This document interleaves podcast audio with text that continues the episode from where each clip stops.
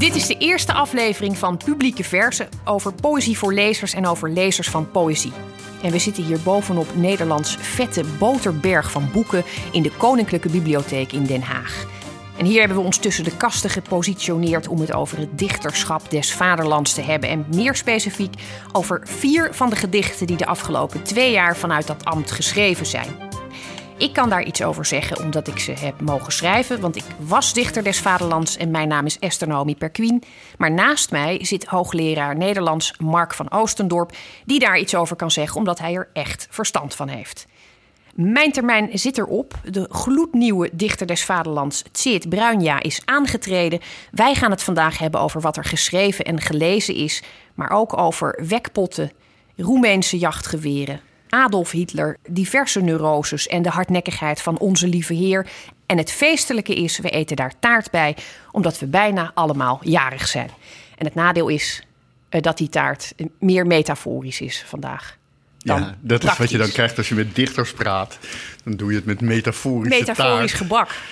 Ik dacht, laten we het me methodisch aanpakken. Laten we, laten we er een soort organisatie in aanbrengen. Ik begin meteen uh, met mijn papieren te schuiven wat is de eenvoudigste organisatie? De eenvoudigste organisatie is er een van chronologie, van tijd. Dus uh, ik, weet, ik heb eigenlijk niet geteld hoeveel gedichten je, je geschreven hebt. Het zijn er denk ik een stuk of twintig, zoiets. 26, denk ik. 26 zelfs. Gok ik. We ja. kijken dit even na. Nou, dat is toch wel uh, meer dan één per maand zou dat dan Nou, zo is het. Dat dan, klinkt toch best zou dat gemiddeld zijn. actief. Ja, je kunt je dan afvragen, het zijn toch twee jaar. Heb je daar dan iets in geleerd in die twee jaar? Uh, is, het is het beter geworden, dichterschap des vaderlands? Zijn de gedichten uh, beter geworden?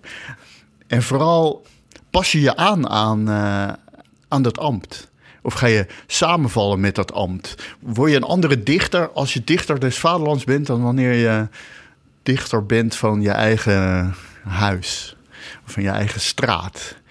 Dus om dat, uh, om dat te kunnen zien, ja, dus dan is een chronologisch volgorde is, uh, misschien het beste. Om te beginnen bij het begin, uh, bij het allereerste gedicht.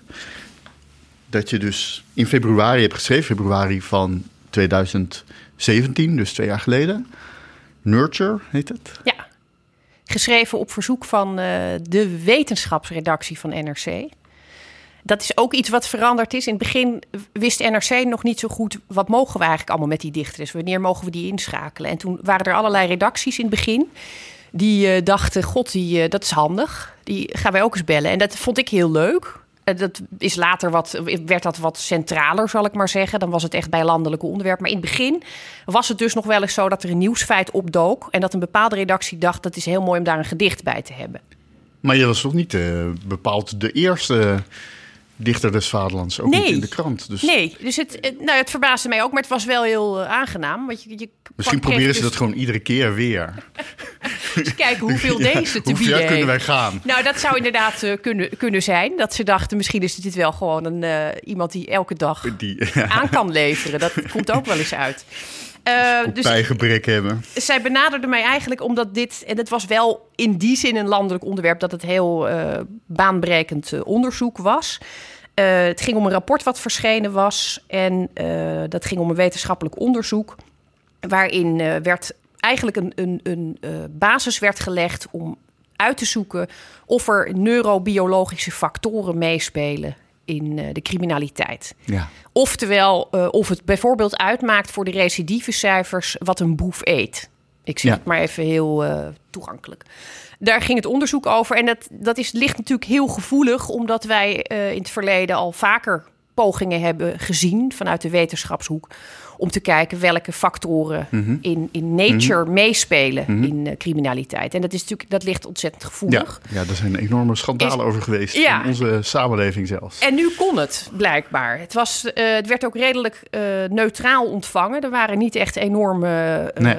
ruchtmakende toestanden na afloop daarvan. Eigenlijk jammer, want dan had zo'n gedicht toch iets meer ja. waarde gekregen. Ja.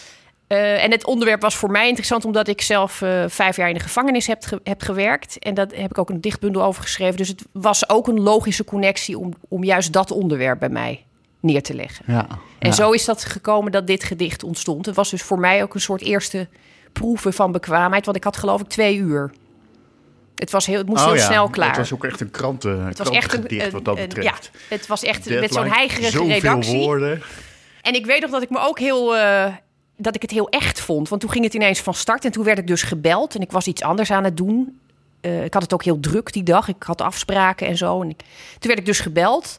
En toen dacht ik, god, nou begint het echt. Ja. De telefoontjes Ja, komen ja, binnen. ik ben noods- Het is noodzakelijk dat ik nu In functie. eh, lekker alert en snel inlever. Eh, het land zit te wachten. Nou, dat gevoel dat eh, is ook alleen bij die ene keer dus even wel gebleven. Daarna had ik wel door dat het toch iets anders in elkaar stak. niet zozeer het land was als wel de wetenschapsredactie. Maar het gaf een heel fijne gevoel van een, eh, ja, zo'n soort Batman-telefoon.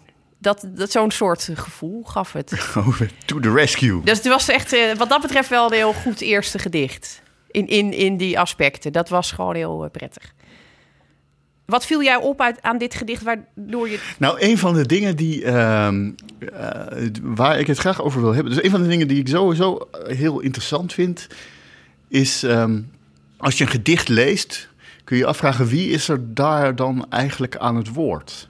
Dus je leert eigenlijk, zoals je op school een lesje poëzie doet, dan is ongeveer les 1 dat je niet de dichter precies gelijk moet stellen aan degene die aan het woord is. Dus de, de, de, de ik die er eventueel spreekt, is niet precies de persoon die die letters heeft getikt eh, die, daar, die daar staan. Maar wie is het dan wel? Hè? En dat, op de een of andere manier is dat verhaal.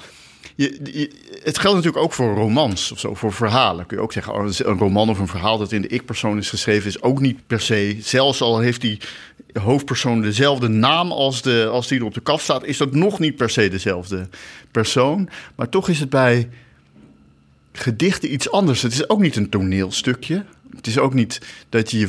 Ik, ik stel me nu even voor dat ik een vaasje ben dat op tafel staat. En ik ga nu spreken als, va, als vaasje Een op breekbaar tafel. vaasje. Een breekbaar vaasje.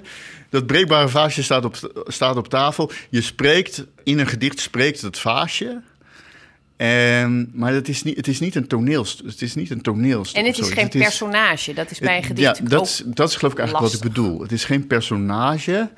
Eh, dus het is niet de auteur, het is geen personage, maar wie is dat dan wel? En nou is het zo, dus in dat eerste gedicht is degene die aan het woord eh, is, dus het, het persoonlijk voornaamwoord is wij, is we. En je kunt zeggen, ja, dat past ook heel erg bij dichter des vaderlands. Dus de dichter des vaderlands, dat is iemand die spreekt namens de hele natie. Ik, ik voer nu het woord namens Nederland. En er zijn meer, je hebt meer gedichten geschreven in, eh, in die twee jaar, waarin eh, we, aan het woord eh, komen en waar je dat dus kunt denken. En ja, ben je dan. Ja, dit is natuurlijk een soort van de klassieke functie van dichters was dat natuurlijk. Van spreken namens het volk. Zo profiteren, de, de waarheid zeggen namens het volk. Bij officiële plechtigheden zegt de dichter hoe het zit en hoe het volk zich voelt. En eigenlijk, zoals je dat nu daarnet beschreef over eh, hoe je dat bij de telefoon zat, zit dat er ook wel natuurlijk wel een beetje in. een tikkeltje. Kan ik niet ontkennen.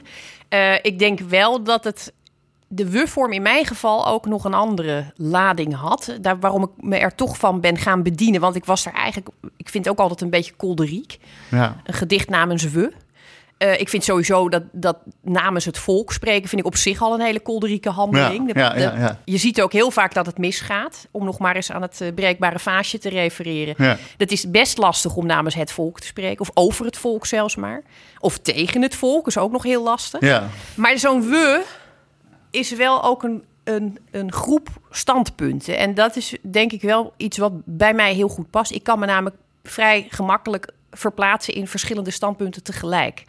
Dus ik heb eigenlijk van nature de neiging om, om mezelf ook als een soort groep te beschouwen, waarvan één dan het woord voert.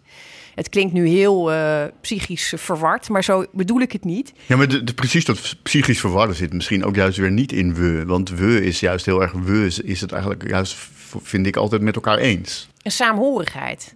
Ja, heb ik niet. Ik beschouw we wel meer als een koor van stemmen. En zoals dat op een, nou ja, ik stel me even zo voor een gemiddeld vrijwilligerskoor ergens in een buurthuis. Dat Ja. één keer per week bij elkaar. Maar dat is volgens mij ook een, een, een kliek van mensen die, die stiekem over elkaar roddelen. En heb je die jurk van Thea gezien? En waarom staat Sjaak ineens weer vooraan met zijn tenor? Ja. Nou, dat hoort zo'n soort. Dus ik zie dat echt als een koor van stemmen. En niet per se als een eendrachtige stem. Behalve dan dat, dat wel iemand moet het woord doen namens die uh, groep. Ja. Dus in zekere zin uh, vond ik dat wel bij mij passen. En durfde ik dat ook wel aan. Ik vond het dus ook niet zo heel gek om het te doen. En hier was het, vond ik in dit gedicht ook wel noodzakelijk. Ja. Zal ik het voorlezen? kun je het voorlezen, ja. Wat ons ook heeft bezield de laatste dertig jaar, de grote sleutel was het niet. We raakten gaandeweg het punt voorbij waarop we dachten goed te zijn, mits flink geschoold en opgevoed, mits warm toegesproken. Elders werd geschooierd en gedold, wij koesterden ons nageslacht. En toch, wat moest er met dat trouweloze roofdier in de borst, dat grommen in de kop, die hele onvoorspelbare chemie van hoofd en hart? Er bleef iets hijgen, het porren van een wolvensnuit. Soms leek hij verdwenen, soms stak ineens een plukje vacht tussen de onderzoeken uit. En nu, weer werden twijfels toegevoegd, liggen terreinen braak. Daar zit je mooi met je preventie, je strafmaat en je muur. Lege cellen, horrorvacui. Hier woekert de natuur. Ja, ik vind het heel mooi.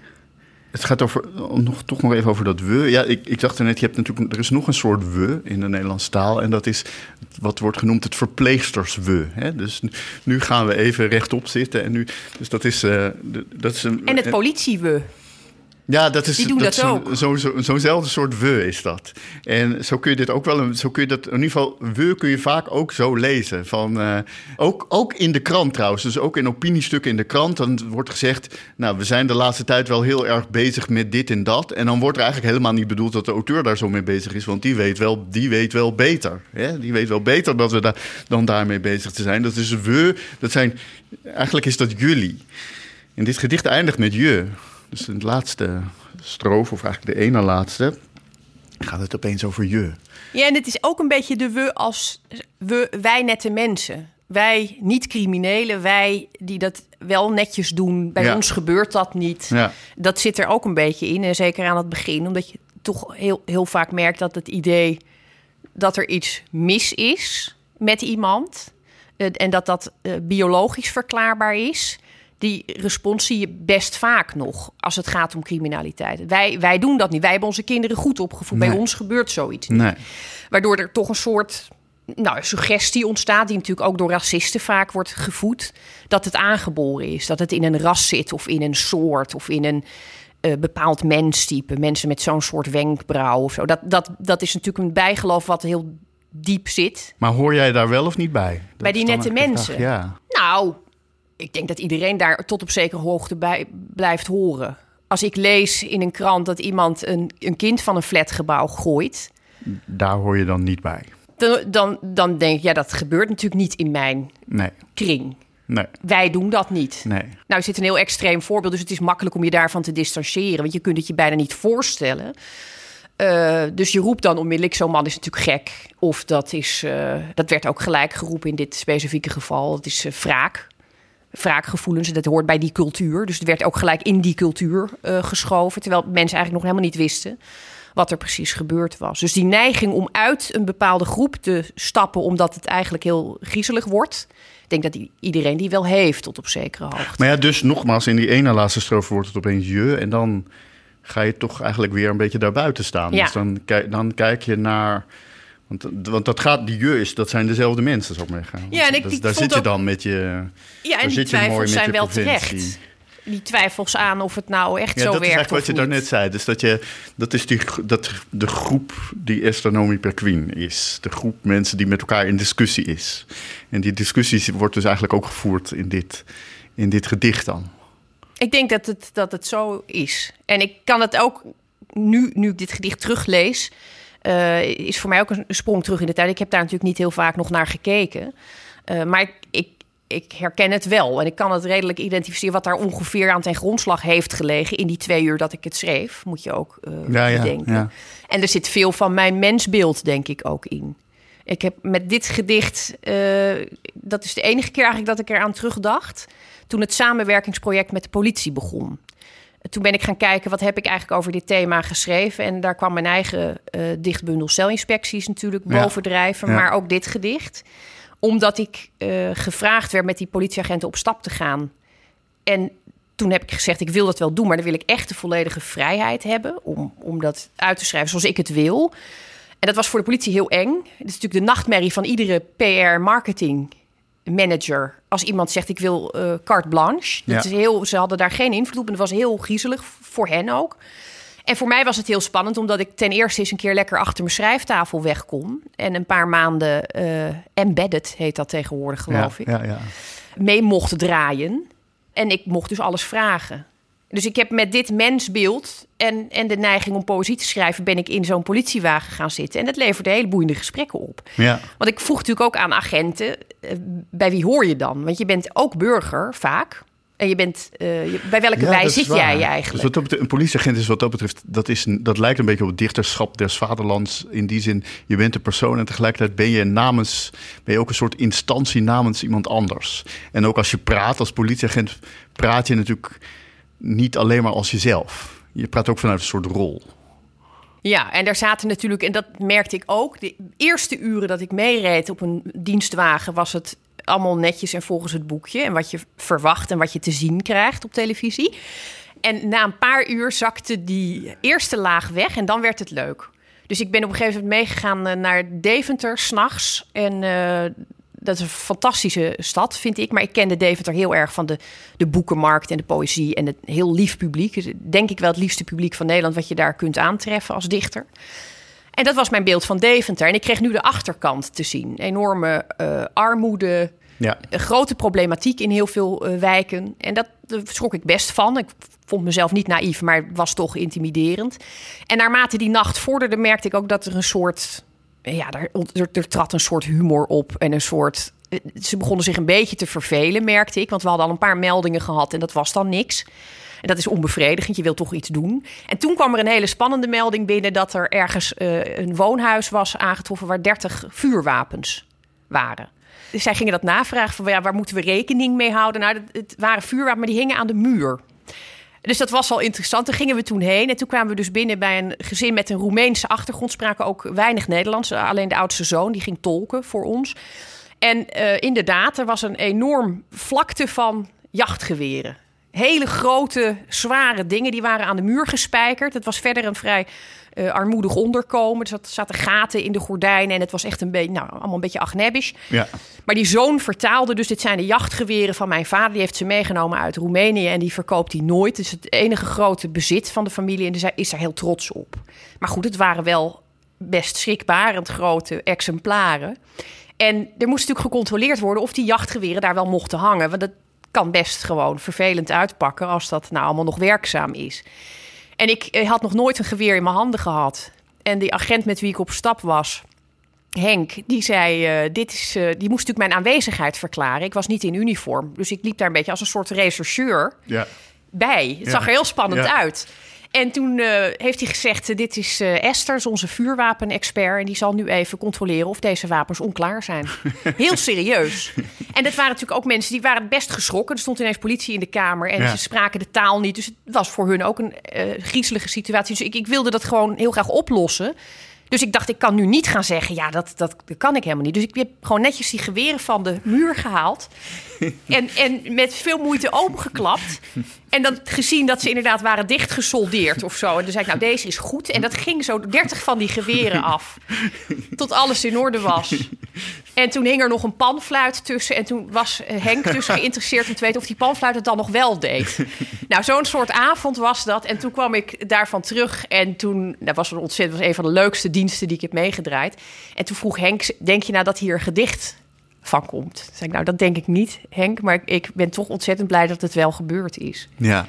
Dus het, eh, het, het, het we van de politie, zoals je dat eigenlijk als buitenstaander leert kennen, dat werd heel snel, bladderde dat af tot een veel, veel meer een privé persoon dan Ja. ik tot dan toe had meegemaakt. Ik ken ze natuurlijk ook alleen maar in uniform met een bepaald gezag en een bepaalde taak. En ik zag daar ineens, eh, boven dat uniform kwam Henk uitdrijven met zijn, met zijn humor en zijn persoonlijkheid en zijn aanpak.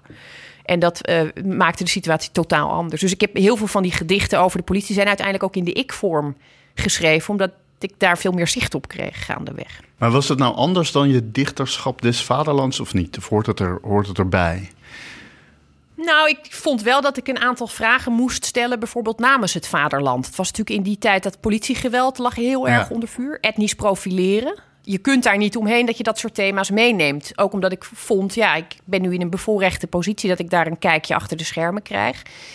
Ik wil daar dan wel over kunnen hebben. In celinspecties, dat noemde je zelf al, dat gaat over de gevangenis. En dat gaat ook heel erg, heel veel gedichten gaan over een, een individuele persoon. En die zijn niet per se in de ik-vorm geschreven, maar ze zijn wel soms ook vanuit die persoon geschreven. Dus het geeft ook een soort stem aan die persoon. En wat dat betreft lijkt het, dat lijkt dus wel een beetje op wat je dan met de politie hebt gedaan. Er zit wel een soort lijn in. Alleen, ja, ik kon me daar wel beter verschuilen achter een personage. Ja, want daar was dat je daar. bij de politie ja, heb gedaan. Weet je niet, moest je niet opeens zomaar als vuurwapenexpert uh, ten tonele te worden gevoerd. je had er echt iets te doen, zo gezegd. Nee, klopt. Dat, dat klopt, dat maakt uit. En bovendien wist ik natuurlijk bij dat politieproject ook. Dit wordt wel. Uh, dit gaat straks wel bekeken worden. En dat was natuurlijk bij mijn eigen werk toch minder. Niet dat ik nee, verwachtte dat niemand het zou lezen, maar niet veel. Ja. Uh, dat is bij celinspecties, dat is uiteindelijk denk ik de, de, best gelezen bundel die ik heb geschreven. Dan heb je het toch wel over een paar honderd mensen die dat in ieder geval vrijwillig, voor zover wij weten, tot zich hebben genomen. Dat vrijwillig weten we, dat is. Maar bij die politiegedichten was ik me wel heel erg bewust. Ik doe dit ook als dichter des Vaderlands, dus je hebt kans dat daar kritisch naar gekeken gaat worden. En ik vond dus ook dat ik niet te veel achter een personage mocht gaan zitten. Dus ook daar heb ik er wel voor gekozen om stemmen te laten klinken. Ja. Maar het was wel echt allemaal heel erg gebaseerd op de werkelijkheid. Er zit heel weinig tussen wat ik zelf heb verzonnen. Stemmen laten klinken, dat is volgens mij een goed, uh, goede samenvatting, toch? Je zou ook kunnen zeggen dat ik de enige dichter in Nederland ben die de politie heeft beroofd. van de werkelijkheid. Oké. nu we daar toch over spreken. Misdaad is dus sowieso kennelijk een, uh, dat is een soort thema bij jou? Ja, denk het wel. Toen we aan het bespreken waren of we een podcast gingen maken, toen was het voorgesprek ging eigenlijk de hele tijd over seriemoordenaars. seriemoordenaars. Ja, dit komt denk ik ook omdat we er. Je, je, je ziet daarin heel erg de dubbele houding die wij hebben met criminaliteit. Dus dat, dat tekent ons, vind ik, heel erg als mens, bedoel ik. Ja. Aan de ene kant uh, zijn we verlekkerd erover. We, we, kunnen er niet genoeg van krijgen. Je kunt s'avonds eigenlijk, als je gaat zeppen, je valt van de ene bloederige moordpartij in, in de volgende. Het gaat over uh, ja, ja, onderzoek, ja. vervolging, voorkomen soms. Maar dat vinden mensen toch minder fascinerend. Eigenlijk zitten we ons ontzettend te verlekkeren de hele tijd aan criminaliteit. Het is een factor kunnen we niet helemaal voorkomen. En aan de andere kant zijn we natuurlijk voortdurend bezig om het te bestrijden en het, en het de kop in te drukken. En roepen we allemaal dat we naar vrede streven. En... Ja, nou ja, sterker nog, die verlekkerdheid heeft het volgens mij ook wel mee te maken dat het voor de meeste mensen in hun dagelijks leven nou niet echt heel erg een rol speelt. Dus als je het eenmaal hebt meegemaakt dat iemand zijn kind over de balustrade gooit, dan uh, als je, ik bedoel, als je in die flat zelf woont, dan ben je daar waarschijnlijk iets minder verlekkerd. Dat denk ik ook. En heel veel mensen realiseren zich, denk ik, ook niet dat criminaliteit natuurlijk wel gewoon onder hen is. Ik heb ooit in een eh, supermarkt kwam ik een ex-gedetineerde tegen. En ik was echt iemand die ik me wel kon herinneren. Dus ik herkende hem gelijk. En hij mij niet, omdat ik geen uniform droeg. En dan ben je toch. Ja. Je bent niet opgeslagen, gelukkig maar, denk ik dan. Maar die man, uh, die had vastgezeten voor een hele nare zaak... met veel geweld en, en bloed en uh, gedoe. Ja. En die stond dus daar in het gangpad van de supermarkt... Uh, naast een oudere dame. En die oudere dame was boos omdat iemand alles in het verkeerde schap had gelegd. En ze maken er een rommeltje van. En die man stond daar dus hartstochtelijk mee te klagen. Dat dat inderdaad, en dat gebeurt de laatste tijd wel vaker. En die waren het heel eens met elkaar. En toen dacht ik, ja, die, die mevrouw weet nu niet ze, hoeveel ja, ja, lagen van de werkelijkheid zich tegelijkertijd. Ja. En uh, dat is denk ik ook de houding die, die, die wij hebben. En daarom zei ik net ook, we hebben allemaal de neiging om uit dat we te stappen. Zodra criminaliteit de kop opsteekt, en het moet dan ook het liefst een herkenbare vorm zijn. Want bankovervallers, daar, nou, daar is bijna niemand tegen. Iedereen is eigenlijk wel voor de overvaller. Ja. Die, die, films zijn allemaal gebaseerd ja. op dat je mee gaat leven ja. met. En ja, en zelfs in films waar er dan toch slachtoffers worden gemaakt, meestal een anonieme uh, portier. Nou ja, je merkt natuurlijk dat criminaliteit wat dat betreft heel veel vertakter en veel koppiger is. Kleine oplichters bijvoorbeeld, witwaspraktijken, mensen die de belasting tillen, vinden we allemaal niet echt crimineel. Dus er zijn heel veel dingen op het randje. En ook ja. heel veel dingen waar we ons best eigenlijk, als we zouden durven, ook wel eens schuldig aan zouden willen maken. Dus ik, dat vind ik echt een heel fascinerend onderwerp. Altijd gevonden, denk ik. En nu kon het even. Ik was eigenlijk aan het toepen op mijn, op mijn amateuristische wijze aan het toepraten naar jouw volgende... Het volgende gedicht. Gedicht, ja. Ja, want dat, ging dus, dat gaat dus inderdaad ook over uh, criminaliteit. Gedicht voor. Ja, ik lees het even voor. Hoe meet je de zwaarte van een klap die nooit kwam? Zoek je de fiets waar niets mee is, die er nog staat? De brand in een leegstaand schoolgebouw, nooit uitgebroken, laat geen sporen na. Hier is de eindeloze lijst van dingen die niet zijn gebeurd. Hier is de nooit betaalde prijs voor toeval, dronkenschap, loslippigheid. Hier is het dodelijke ongeluk, de schade die je nooit veroorzaakt hebt. Hier klinkt de niet geslaakte kreet van twee uit bed gebelde ouders. De stad zwermt van ongehoord geluid. Je luistert s'nachts naar de zachte voetstap van de dochter die onaangetast de trap opsluipt. Ja, ehm, je zei hierover dat, je dit, dat dit het gedicht was waarop je misschien wel de meeste respons hebt gekregen. Ja, heel veel. En tegelijkertijd dat het het meest onvaderlandse gedicht is dat je hebt geschreven als dichter des vaderlands. Het is, gaat namelijk eigenlijk over, over nou, het gaat niet over een landelijke gebeurtenis. Sterker nog, het gaat eigenlijk over geen gebeurtenis. Nee. Uh, en dat is, vond ik heel merkwaardig. En misschien verklaart dat de respons. Maar ik heb hier ongelooflijk veel, ook brieven, maar ook mails. Een aantal handgeschreven brieven van mensen die bijvoorbeeld 40 jaar geleden bij de politie hadden gewerkt. En, en uh, nu pas vonden dus dat het nu pas eigenlijk was opgeschreven wat de politie echt doet. Ja. Namelijk het voorkomen van van Ja. alles. Maar ook van heel veel lezers die dit gedicht waren tegengekomen en zeiden: Ik heb niks met poëzie, maar dit snap ik, want ik heb zelf een dochter. Of ik maak ook heel vaak dingen mee die niet gebeurd zijn. Of nou ja, wat wij allemaal hebben. En voor mij was het echt, dit gedicht was eigenlijk de lijm eh, om uit te leggen, ook aan de politie uit te leggen, wat ons samen bindt. Want dit is iets, wat dit is eigenlijk een poëtisch terrein, Ja, vind ik. ja. Dat je dingen die niet gebeurd zijn dezelfde status verleent als de dingen die wel gebeuren. Dat is misschien wel gewoon het, het literaire, een literaire taak, zou je kunnen zeggen. En tegelijkertijd is dat de kern van politiewerk. Dus het was voor hun ineens heel duidelijk waarom dat eigenlijk prima samen kan. Er waren natuurlijk best veel agenten die het een beetje gek vonden met zo'n zo'n dichter in de auto. En, en ook niet altijd praktisch, want ik kon niks. En, en als we in een achtervolgingsscène terechtkwamen, wat dus een keer gebeurd is, dan kon iedereen op een gegeven moment op een boef gaan liggen en ik niet. Ik stond daar maar met een schrijfblokje. ja. Dus eh, toen dit gedicht er eenmaal ontstond en ik dit ook ben gaan bespreken met, met die agent, dat ik zei van ja, ik vind het eigenlijk belangrijk om dat die kant. Toen zeiden ze ineens, oh ja, ja, dat is inderdaad zo. En ik probeer dat heel vaak uit te leggen en nu kan ik dat voortaan. Nou ja, het is ook ergens op een muur geschilderd nu in een opleidingscentrum van de politie. En ik begreep dat het idee was om dat in alle opleidingscentra zo'n gedicht ergens op te hangen. Maar ik vind eigenlijk wat heel eh, gek is, of gek, in ieder geval opvallend, is. ehm, je zei daarnet al over je eerste gedicht, dat, dus dat het, het onderwerp kwam van de redactie van de krant. En nu zeg je: dit is een onvaderlands gedicht, omdat het niet gaat over een bepaalde gebeurtenis. Dus de dichterschap des vaderlands hebben we op de, op de een of andere manier heel erg aan. Is, is eigenlijk een soort krantenbaantje geworden. Want het moet gaan over nieuws, in zekere zin. Het moet gaan over nieuws. Moet idealiter in twee uur geschreven worden. Het moet actueel zijn. Terwijl je zou kunnen zeggen. Dus aan de ene kant kun je zeggen: ja, dat is het moment waarop mensen zich heel erg bewust zijn van dat vaderlandschap. En mensen zich eh, verbonden voelen en zo. Maar misschien zo'n gedicht als dit, dat gaat over dingen die niet gebeuren. En, en dus eigenlijk dingen die de hele dag en iedere dag gebeuren. Is geeft misschien ook eigenlijk wel veel meer weer wat er werkelijk gebeurt buiten de krant. In Nederland of in het vaderland. En is dat dan eigenlijk niet de rol van de, van de dichter des vaderlands ook? Ik vind het wel een mooie gedachte. En ik denk ook dat je wel een eh, gevoelig punt raakt. Als je zegt, het moet natuurlijk geen krantenbaantje worden. Ben ik helemaal met je eens. En ik denk wel dat die positie is natuurlijk oorspronkelijk door een krant bedacht. Ja, Dus de koppeling met nieuws en, en landelijke gebeurtenissen is Ja. enorm. Maar je zou daar als dichter des vaderlands zelf positie in kunnen kiezen. En misschien dat Zit dat ook wel gaat doen.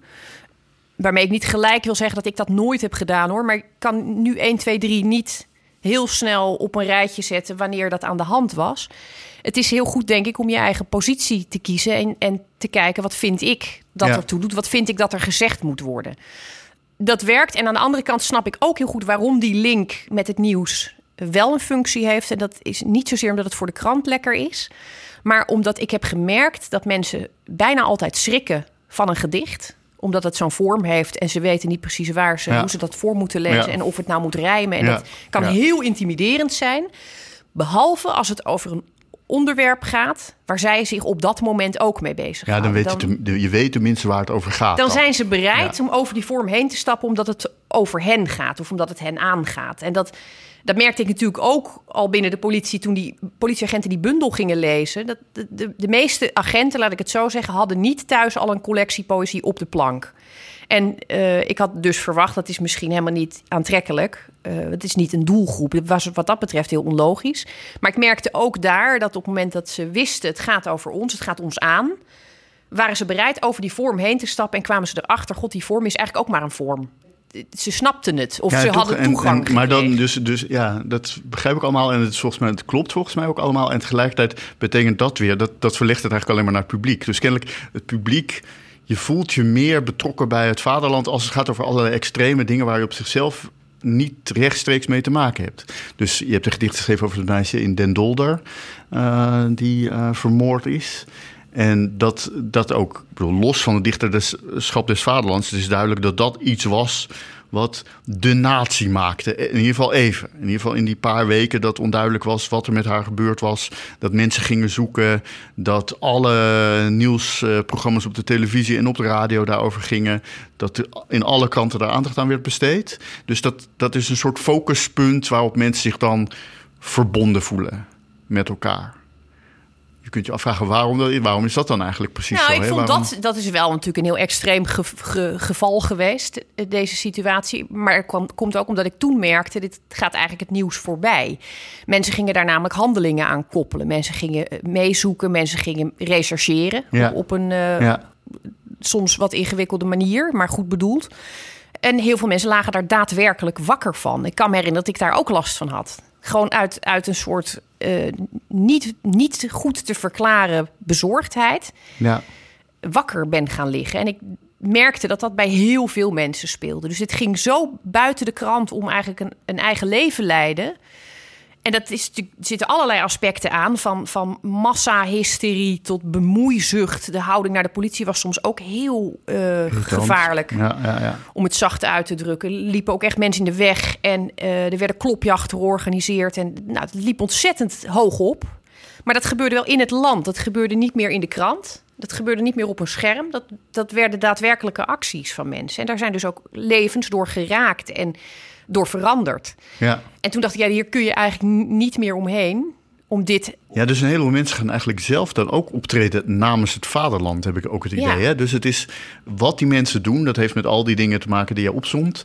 Maar volgens mij ook met het gevoel van Nederlander te zijn. Dat, dat, dat speelt daar opeens een rol in. Terwijl, we- terwijl dat in allerlei andere activiteiten niet speciaal een rol speelt. Allerlei dingen die je de hele dag doet, daarin ben je niet speciaal Nederlander.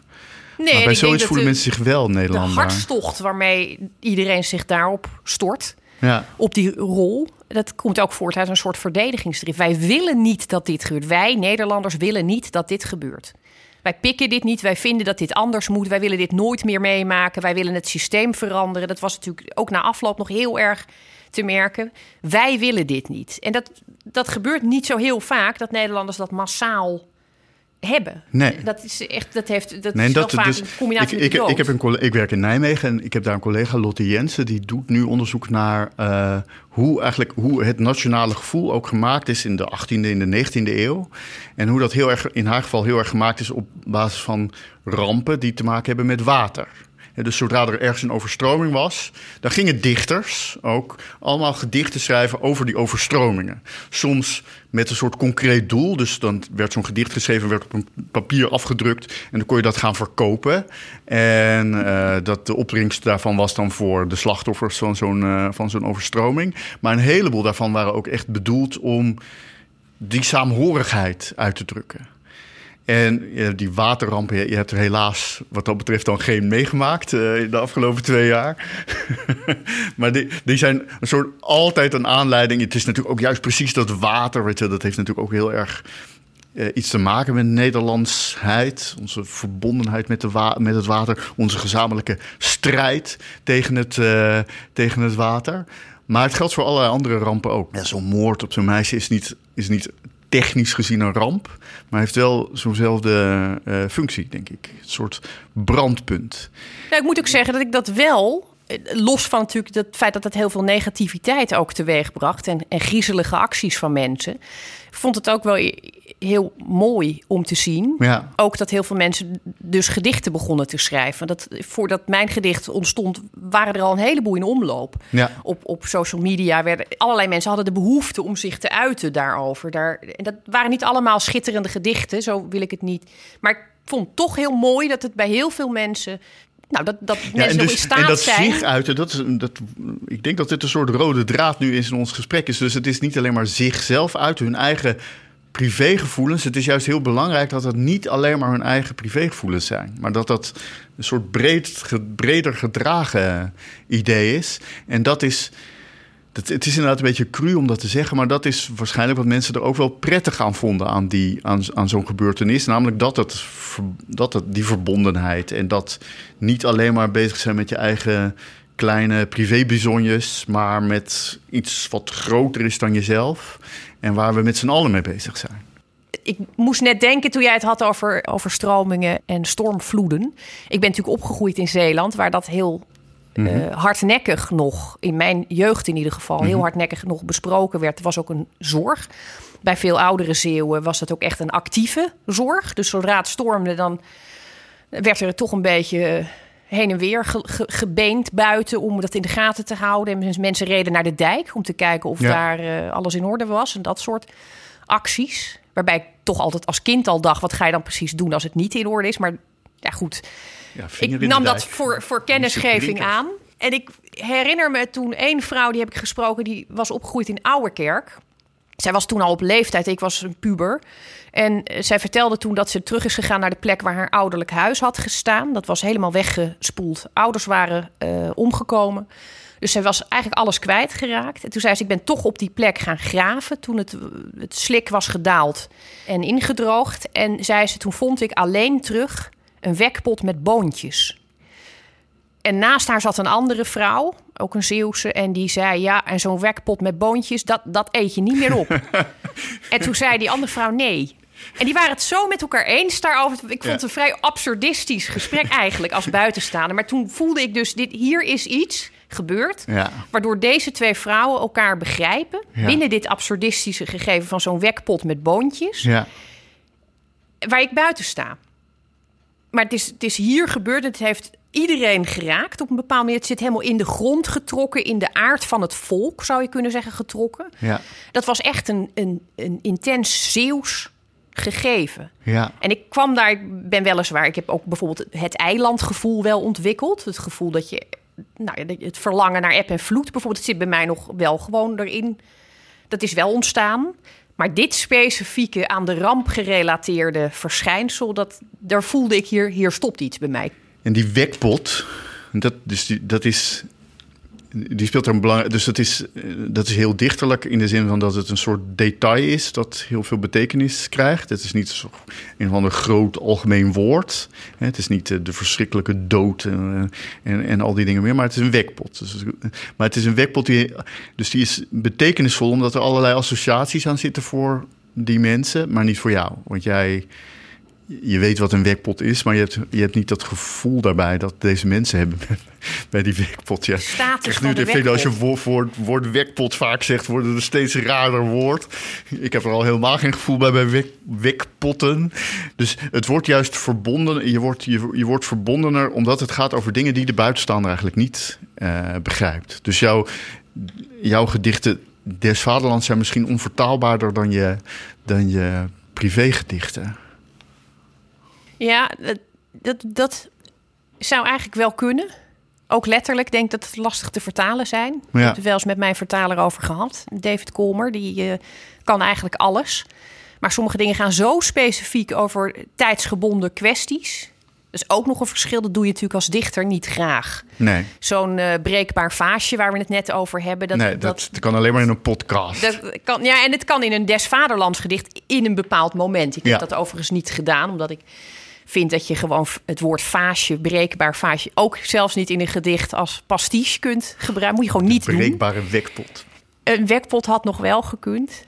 Uh, maar in, in die zin zijn ze tijdgebondener. En ook omdat je weet, heel goed weet, er zit een publiek. Aan de andere kant van de lijn zit een publiek klaar. Ja. Daar schrijf je ook naartoe. Dat doe je als dichter natuurlijk eigenlijk niet. Althans, ik doe dat niet in mijn eigen werk. Ik vind het een heel onplezierige gedachte dat daar dan mensen iets van gaan vinden. Ik vind ook dat je als Nederlandse dichter wel mag genieten van het feit dat je in een niche werkt. Ja. Dus dat je ervan uit mag gaan dat niemand het leest, ja. dat vind ik een zegen als, als dichter. En als dus je hebt alleen maar met het ding te maken. Geef je dat op, die uh, rust. Ja. Ja. ja, want dan gaan mensen zich dus er ook mee bemoeien. Klopt. En dan gaan mensen ingezonde brieven schrijven. En dat is ook gebeurd. En dus niet, niet de eerste, de beste. Misschien kan ik dat dan voorlezen. Ja. Dus dat was, eh, zoals gezegd, niet de eerste, de beste. Dat was Erik Jurgens, bekend belangrijk politicus. Belangrijk uh, intellectueel. Uh, lezer van de NRC. En die schreef in september van, uh, van vorig jaar, van 2018, schreef hij een brief waar de redactie boven had gezet: geen metrum, geen rijm. Dat vast het, vat het ook wel ongeveer samen. Uh, en die brief luidde in de redactie van de NRC bij het interessante artikel van redacteur Bernard Hulsman. Interessant artikel over de uitgave van de nieuwe vertaling van Mein Kampf. Zette de redactie een tekst van Esther Perquin, onze tussen aanhalingstekens, dichter des vaderlands. Zoals zo vaak tegenwoordig vraag ik mij af waarom deze tekst gedicht tussen aanhalingstekens mag heten. Er zit geen metrum in, geen rijm, geen binnenrijm, geen structuur. Niets wat op een gedicht lijkt. Het is meer een korte column tussen aanhalingstekens. Al kan ik dan ook geen chocola, nog geen chocola maken van haar stelling dat een leugenaar beter kan zwijgen, maar nog beter kan sterven. Heeft Esther Perquin het over Mein Kampf? Ja, dat nou, was echt een verontrustende vraag aan het eind. Dat, man heeft zelfs niet helemaal helder gekregen waar ik het over had. Dus ik, mijn eerste reactie was een, een, een, natuurlijk een diepe schaamte. Omdat ik hier uh, gefaald had als dichter. Maar ik vond ook wel uh, uh, heel mooi en heel eerlijk van Erik Jurgens... dat hij erbij had gezet dat zinnetje... Uh, zoals zo vaak tegenwoordig, vraag ik mij af. Ja. En toen dacht ik, ik ben dus niet de enige dichter die, die, dit, uh, die dit pijnlijke punt bereikt nee, ja, heeft. Ik, ik, had uitgerekend dat hij, dus hij is geboren in 1935. Dus toen Lutzeberg debuteerde was hij 16. Dus ja, hij heeft de hele dat, dichtkunst zien probleem moet je toch wel omflikkeren. al lange tijd moet hiermee worstelen. Nou, dat vond uiteindelijk ik ook, komt het er naar buiten dankzij jouw gedicht. Dat sprak er ook echt uit, dus ik voelde me daar ook toch een beetje verantwoordelijk voor. Uh, en ik begrijp het ook heel goed, want de dichtkunst is wat dat betreft ook heel erg uh, veranderd en verschoven. En waar je vroeger een gedicht aan herkende, daar moet je nu nou ja, in, in, sommige gevallen beter naar zoeken. Ik vind nog steeds wel dat een gedicht vrij herkenbaar is. Maar ik volg de poëzie natuurlijk ook heel erg op de voet. En ik lees ontzettend veel hedendaagse dichters. Dus ik, ik schrik daar minder van. Ja. Als ik uh, de bundel van Radna Fabias, die afgelopen jaar de, de Buddingprijs kreeg... en heel veel genoemd werd, ook door mij, uh, als een ja. schitterende bundel.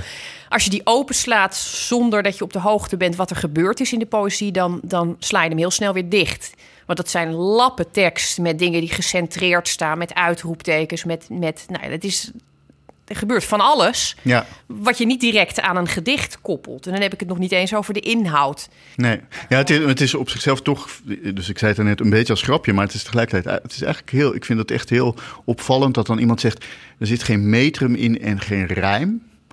Want dat is toch echt al wel geruime tijd het geval. Ja, Lutjebert, maar Paul van Ostaaien, die was, toen was de vader van Erik Jurgens nog niet eens geboren, zal ik maar zeggen. In ieder geval, ja, ik weet niet wanneer de vader van Erik Jurgens geboren is. Dat moet ik eerlijk toegeven. Uh, dat heb ik niet nagegaan. Maar bij wijze van spreken uh, was dat het geval. Dat is 100 jaar, 100 jaar geleden.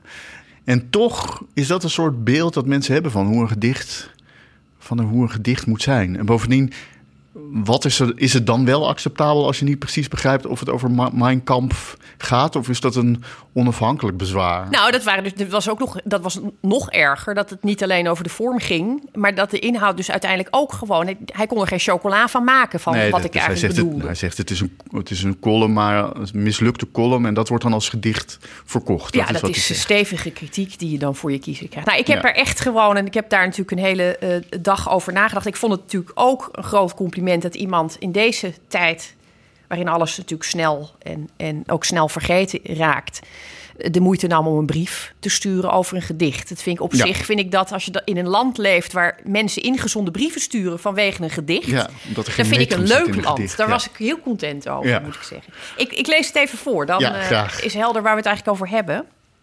Het heet Methode. Het is dus een gedicht, eh, zeg ik er even bij voor de onbevlekte luisteraar. Vraag.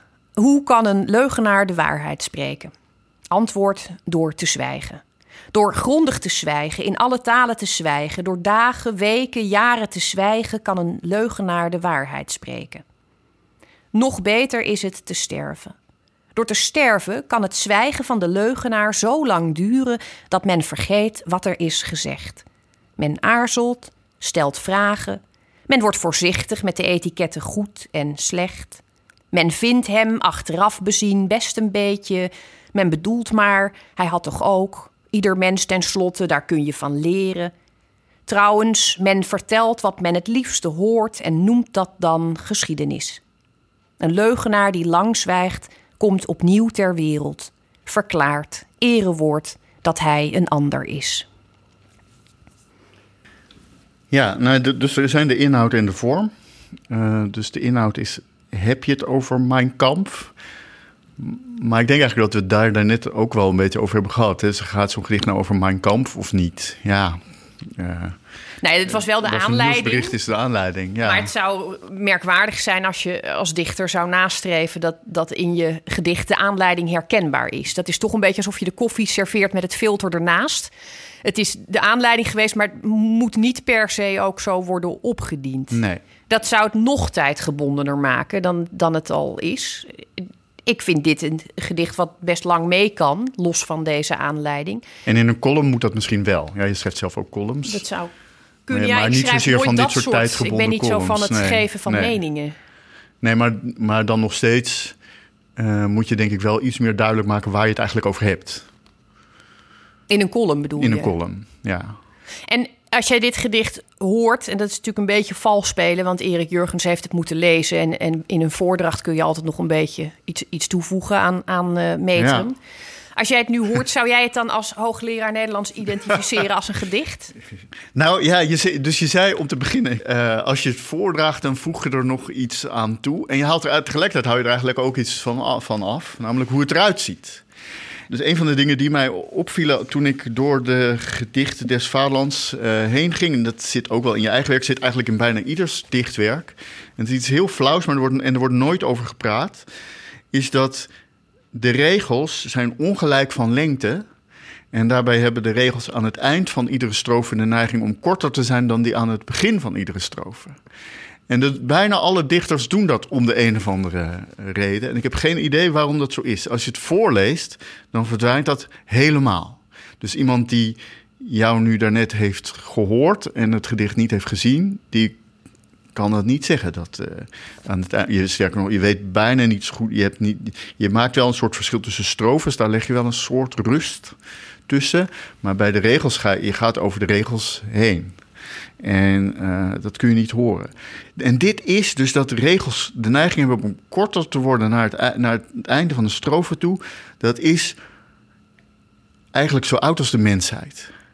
Dat is, het, is, het is ook onderzocht voor allerlei culturen. Ik wou net vragen, dit is vast onderzocht. Ja, dus het is voor allerlei culturen onderzocht. En je hebt natuurlijk een heleboel dichtvormen waarbij alle regels even lang zijn. Maar als er verschil is, dan is er altijd de neiging om naar het einde korter. Ook juist ook heel erg in gedichten die rijmen en metrum hebben. Ik weet niet zo goed waarom het zo is. Ik denk dat jij het ook niet weet, omdat ik, denk, omdat ik eigenlijk niet denk dat je je ervan bewust bent dat je dat. Uh, ik ben me er zeer van bewust, maar ik weet niet waarom ik het doe. Het is bij mij echt een esthetische kwestie. Ik kan niet lekker werken aan een gedicht als ik zie dat die regels ik haal dat ook weg. Ik ga zoeken naar een korter woord om dat oh om te buigen. En ik weet dat veel collega's die neiging ook hebben. Ja. Ja, ik vrees dat het toch een soort uh, dwangneurotisch trekje is in dat opzicht. Veel meer dan een poëtische keuze. Ja. Maar misschien spreek ik nu weer namens collega's die dat helemaal niet vermeld ja, hadden willen. Mij, wat is het verschil tussen dwangneurose en poëtische keuze? Dat is dan natuurlijk de vraag. lijkt mij, lijkt mij komt volgens mij op hetzelfde neer. Overlappen, ja. ja. ik denk in ieder geval, dus misschien niet voor een individuele dichter, want het kan natuurlijk ook best zijn dat je daar nou eenmaal aan gewend bent dat je veel gedichten hebt gezien die er zo uitzien. En zoals uh, meneer Jurgens uh, gewend is geraakt aan een beeld van een gedicht met rijmwoorden aan het eind van uh, de regels en, en een metrum, dat zie je, niet zo, zie je niet zozeer. Ben jij misschien gewend geraakt aan, en, en ik misschien ook wel, aan gedichten waarin de regels korter moeten worden en vind je dat niet mooier? Dus als nu de nieuwe dichter des Vaderlands opeens allemaal gedichten gaat schrijven waarin de beginregels kort zijn en de eindregels lang. Ga jij een ingezonden brief schrijven naar de krant waarin je zegt: wat is dat, is, is, Wat is dat is toch geen gedicht? nou, ik, dus het kan zijn dat het gewenning is, maar er zit denk ik ook wel echt iets in. Want ja, het moet ooit begonnen zijn. En zoals gezegd, het is dus duizenden jaren geleden was het, was het al zo. Dus de Zapfische strofe, Zapfo. Ja, hoe, hoe, ver, hoe verder terug kun je gaan in de westerse cultuur? Zapfische strofe, daar, zijn, daar zit metrum in. Er zit geen rijm in, want dat deden de Grieken niet. Maar er zit metrum in. En de laatste regel is altijd korter dan de regels die, daar, die daarboven uh, staan. Ik denk, het heeft misschien ook wel iets te maken met toch wel met de, de, toon. En de toon die je maakt als je het voordraagt. En de toon ook die je in je hoofd hoort als je het leest. Want als de regel aan het eind korter is. En je hebt de neiging om alle regels wel ongeveer evenveel ruimte te geven in je hoofd. Betekent dat dus dat de laatste regel een beetje langzamer wordt. En zo praten we in het dagelijks leven ook. Als ik nu langzamer ga praten, dan geef ik daarmee een signaal aan jou dat jij nu binnenkort kunt gaan uh, praten. Dat is gewoon hoe menselijke gesprekken werken. Het is misschien wel gewoon iets wat de taal jou. Die, het is een dwangneurose van de taal. Een dwangneurose die de taal jou uh, oplegt. En in proza doe je dat natuurlijk helemaal niet. Dus dat is al een verschil tussen proza en gedichten. Dat hoe het klinkt in die zin doet er voor proza niet toe. Natuurlijk zijn er mensen die heel muzikaal proza schrijven. En waar het heel erg gaat over de klank. Maar niet over dit soort uh, aspecten. Zoals ook in dit gedicht doe je allerlei dingen die je in proza volgens mij nauwelijks zou kunnen veroorloven. Bijvoorbeeld al die herhalingen die erin zitten. Als dit echt een column was, dan was het veel te uh, nadrukkelijk of zo. Veel te stampte te veel. En juist doordat het een gedicht is, doet het dat niet. Reageer daar eens op. Ik heb, ik heb de dichter des vaderlands, de voormalige dichter des vaderlands stilgekregen. Nee, het is ten eerste omdat ik niet, eh, nu, nu ik me bewust ben van het feit dat jij langzamer gaat praten en dat ik dan aan het woord. Oh ja. Dan heb ik de neiging om dat dus niet te gaan we doen. willen zien. Heel, is een heel vervelend trekje. Ook heel voorspelbaar trouwens. Um, en daarnaast zit ik gewoon over na te denken of, of, een, of de taal een dwangneurose kan hebben. Wat ik wel een hele prettige gedachte vind. En ook een soort opluchting. Uh, en ik denk dat je gelijk hebt. Ik vind er zelf genoeg aspecten in zitten om het geen column te doen zijn. En ik moet eerlijk zeggen, als ik de inhoud nog eens uh, bekijk, kan ik me heel goed voorstellen dat iemand zich afvraagt: gaat dit over mijn kamp? Het gaat in feite over de aard van dat boek, wat natuurlijk een, een uh, boek is wat zelfs in die tijd al aantoonbaar vol stond met leugens. Hitler uh, permitteerde zich echt enorm nadrukkelijke, opzichtige leugens. En in deze tijden waarin we te maken hebben met fake news en, en, ja, uh, en ook, ook, de verzachting ja. van de tijd. Want je merkte de, rond de verschijning van Mein Kampf waren er veel discussies. Waaronder mensen die zeiden dit had nooit mogen gebeuren. En mensen die zeiden dit is heel goed dat het nu beschikbaar komt. En je zag dat daar ook een soort verzachting was opgetreden dat mensen toch het idee hebben, ja, het is ook iets, het is nu ook geschiedenis, we moeten daar ook van kunnen leren. En dat, eh, dat is natuurlijk een heel gevaarlijk terrein wat je daar gaat betreden, omdat er een soort eh, vanzelfsprekend oordeel dat je dat nou eenmaal altijd een verschrikkelijke man vindt, begon ineens, ja, ik zal niet zeggen te wankelen, maar er werd wel aan ge, gemorreld aan dat beeld ineens. En toen dacht ik, oh, dit is wat tijd doet. Als je het wil maken als leugenaar, kun je het beste een hele tijd dood zijn. Dan wordt dat werk opnieuw uitgegeven en dan gaat iedereen Ja. het opeens weer lezen alsof toch wel misschien kunnen toch we moeten niet te snel oordelen.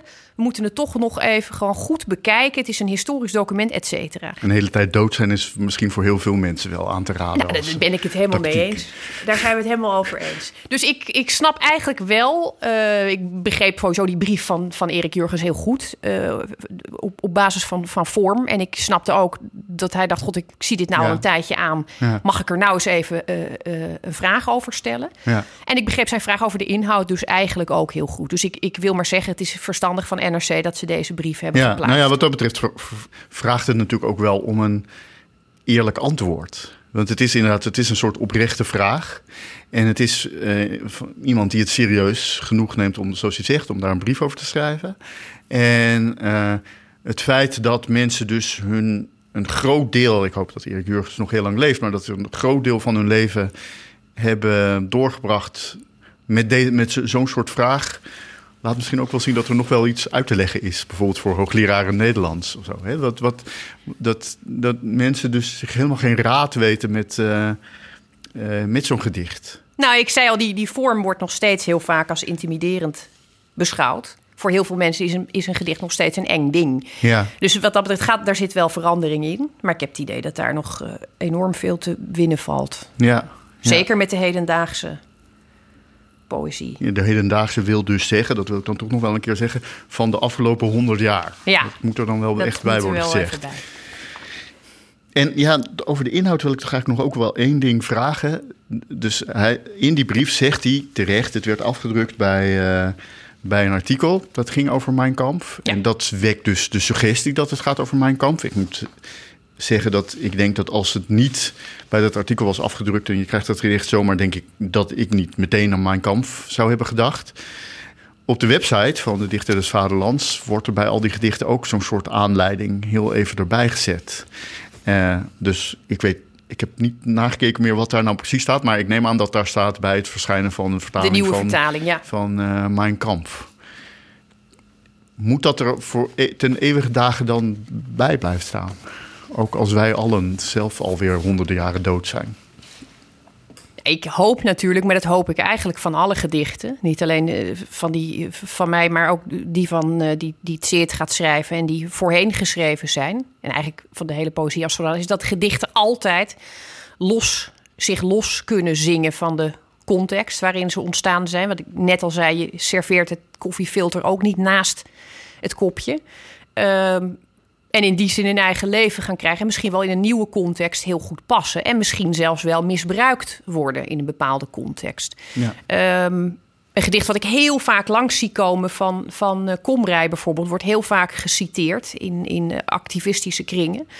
Dat gaat over de moord op Ja, Pim ja. Fortuyn. En dat wordt altijd op een bepaalde manier ingezet... terwijl Komrij dat zelf toch echt heel anders had in zijn hoofd had. Dat ook wel eens heeft uitgesproken. Maar die vond dat ook eigenlijk prachtig dat dat zo'n eigen leven is gaan leiden. Ik denk ja, dat dus dat dat is een gedicht dat wordt gelezen door mensen als. Want het, het is volgens mij vlak na de dood op, of de moord op Pim Fortuyn is het gepubliceerd, misschien de dag daarna. En het wordt gelezen als eh, een soort eh satirische beschrijving van een politicus die eigenlijk heel blij is dat dit nu is gebeurd gebeurd. is. Ja, het is bijna een beschuldiging van Ja. de politici omheen. En zo had hij het verder niet per se bestemd. Maar hij vond het ook amusant dat dat wel een eigen leven is gaan leiden. Ik vind ook in die zin is het gedicht altijd eh, van iedereen. En mag je, mag je dus ook iedereen daarmee naar, naar eigen believen om de oren slaan.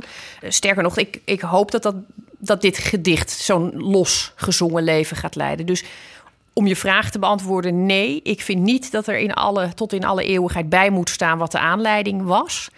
Eh, maar ik denk ook niet dat het, dat het het gedicht beschadigt als het erbij staat. Ja, ook al heeft niemand dat gemerkt. De lijn in, in dit geheel was dus chronologisch, zoals ik in het begin zei.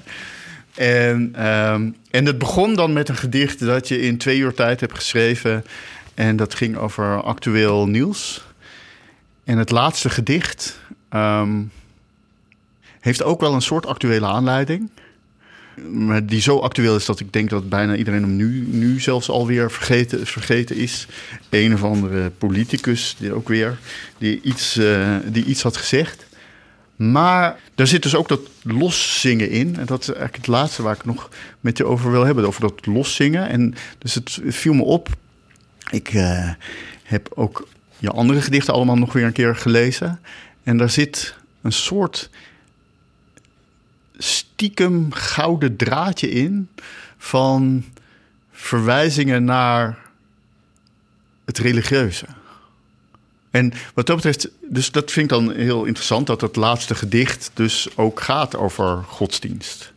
Misschien kunnen we, kunnen we beginnen met dat je dat voorleest. Ja. Leefwijze. Ooit was zijn naam misschien een vredig gefluister aan de rand van je bed, aan de rand van de nacht. Een warm besef dat in het straffeloze slapen achterbleef. Wie lispelde je toe dat hij vervangen moest? Wie leerde jou hem gaandeweg te willen zijn? Hij groeide groter in je borst, langzaam, steeds breder, verder opgezwollen. Hij kreeg je overtuigde blik, je kamervullende gelijk.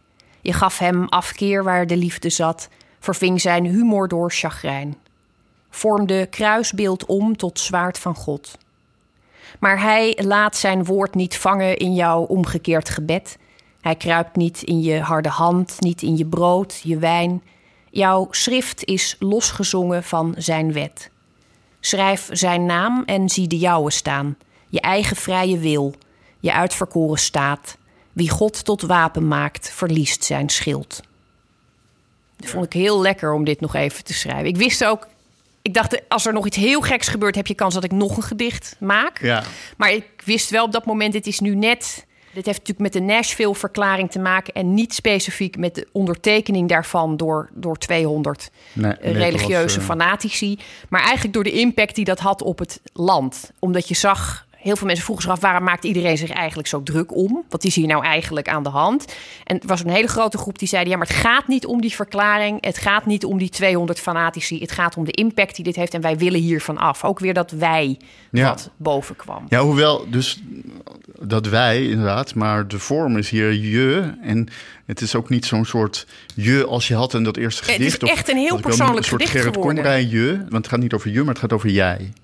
Je kan niet heel algemeen zijn, voetballers gebruiken dat ook. Maar je zegt hier af en toe nadrukkelijk jij. En dan, dan kan dat, dat kan, je praat tegen iemand in dit gedicht, of je. De, de het stem is- van dit gedicht praat tegen Nee, iemand. dit is echt een heel, voor mij een heel persoonlijk gedicht eigenlijk geworden. Omdat ik dit me echt afvroeg. Ja. Eh, ik ben opgevoed met, met een God die je eigenlijk niet meer uit je systeem krijgt. Namelijk een God van liefde en vergeving. En, en wij waren ook niet kerkelijk. Dus mijn moeder zei, je kan ook prima bidden op de wc. Dat maakt God verder helemaal niet uit.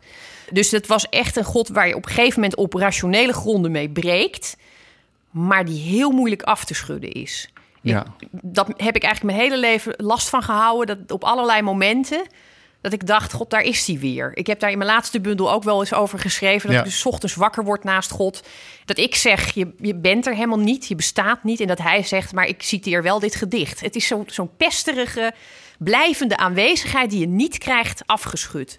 En voor mij is eh, God in die zin altijd wel een hele liefdevolle entiteit gebleven. En deze situatie dacht ik, ja, dit is wat ik me echt afvraag aan iemand die dit ondertekent. En die van God dit heeft gemaakt. Terwijl je van God natuurlijk, je kunt er alles van maken, want het is een bedacht wezen. Als je dan dit ervan maakt, dan denk ik, wat, wat moet dat benauwd zijn in je hoofd? Wat moet het. En wat is het vreemd dat God zo samenvalt met wie jij bent? God is dan ook ineens kortzichtig. God is ook, dat doe ik ook. Eh, alleen mijn God is dus gewoon stukken beter dan jouw God. Is hartstikke vrolijk. Is een prima God, kan je alle kanten mee uit. En eh, zo kan het ook. Dat is gewoon iets wat ik me echt oprecht afvraag. Waarom, als je nou toch God zelf mag verzinnen... dat is natuurlijk het verschil in denkwijze. Ik denk, je mag God zelf verzinnen... kun je net zo goed een leuke, gezellige man met een baard van maken... die op een wolk zit te vergeven. Maar zij zijn ervan overtuigd dat ze God niet hebben verzonnen. En dan is het ineens een best chagrijnige, bozige man. En ik vond dat eh, toch reden om hier even deze positie in te nemen. Dat ik dacht, dit mis ik nog in het hele debat. En in de columns werd er wel veel gespot. En er werd natuurlijk gelijk vrij plat Ja, eh, ja, gereageerd op, op eh, de, de, de man in kwestie. En toen dacht ik, ja, dat vind ik toch jammer. Ik vind het ook mooi als er nog even vanuit het religieuze perspectief, min of meer... waar ik mezelf dan toch nog wel toe gemachtigd voel... Ja. om deze vraag te stellen. Ja. Ja, en zoals je het nu uitlegt, dan klinkt het juist ook weer heel erg alsof je daar ook een column over had kunnen, had kunnen schrijven. schrijven. Nou ja, dat had theoretisch ook gekund, maar ik, ik, kijk, in poëzie kun je je natuurlijk veel meer permitteren. Overigens, dan in dit is onder andere geen column, omdat in dit gedicht zijn alle strofen precies drie regels lang. En ook weer, iedere regel is korter dan de, dan de voorafgaande. Sterker nog, de allerlaatste regel bestaat alleen maar uit de woorden verliest zijn schild. Ja, en ik ben toch blij dat, dat mijn laatste gedicht dan echt ook door jou is aangemerkt als een gedicht. Dat vind ik een goede afsluiting. het stond op de website. Van het, eh, het stond erbij vermeld. Nee, ik, ik, het klopt dat je dit ook in een column kunt doen, maar dat is wel denk ik het mooie van dit ambt. Nou, dat, dat, dat, dat we, waar ik me toch toe eh, aangetrokken blijf voelen, ook als, als, eh, als, als enkelvoudig persoon. Dat kun je hier ten volle inzetten. Want je kunt je boos maken, je kunt verdrietig zijn, je kunt de onderbuik laten spreken, je kunt het opperhoofd uithangen. Je kunt eigenlijk al die rollen samenballen in dit ambt. En er staat iedere keer netjes onder dichter des vaderlands, dus iedereen weet wat het is. In dat opzicht. Maar welke stem daar klinkt, hoe persoonlijk die is, waar je je druk om maakt of boos, waar je blij om wordt, dat is allemaal aan jou. En uh, dat is denk ik waarom dit. Uh, nou, waarom ik er toch na twee jaar met, met enig uh, genoegen op terugkijk. En wanneer ga je weer een nieuw gedicht schrijven? Heel lang niet. Ik ga denk ik nu echt even of een krantenwijk of, of ergens borden wassen of iets nuttigs doen in de zorg. Ja. Omdat het, het is wel twee jaar lang natuurlijk ben je bezig kranten te lezen op een andere manier en ben je bezig gedichten te maken met publiek in je hoofd. Ja, maar ja, je zou ook kunnen zeggen, dan ga ik nu gewoon meteen weer. Ik, heb, ik wil nu weer eens een keer. Nee, ik wil eerst al die lezers weer uh, van me afschudden. Als ik het gevoel heb Oh, dat niemand ja. meer op me let, Oh, dat, dat is de bedoeling, ja. dan ga ik uh, denk Vandaar ik. weer, deze uh, podcast. dan ga ik weer gedichten schrijven. ja. En uh, ondertussen hebben we natuurlijk gewoon een kerstverse, kakelfrisse, Ja, nieuwe dichters Vaderlands die aan de slag mag. Dit was hem, Mark.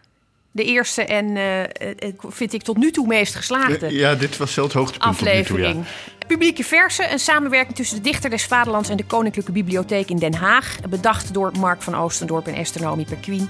In elkaar gezet door Volkert Koehoorn van Podcast Netwerk. En met hartelijke dank aan Arno Kuipers. En alle reacties van weemoedige woorden tot uh, vuige sneren, die mogen uiteraard onze kant op. En wil men de gedichten van de nieuwe dichter des Vaderlands en alle voorgangers graag even zelf lezen, vanwege de regelafbrekingen bijvoorbeeld? Dat kan bij NRC Handelsblad of op www.dichterdesvaderlands.nl.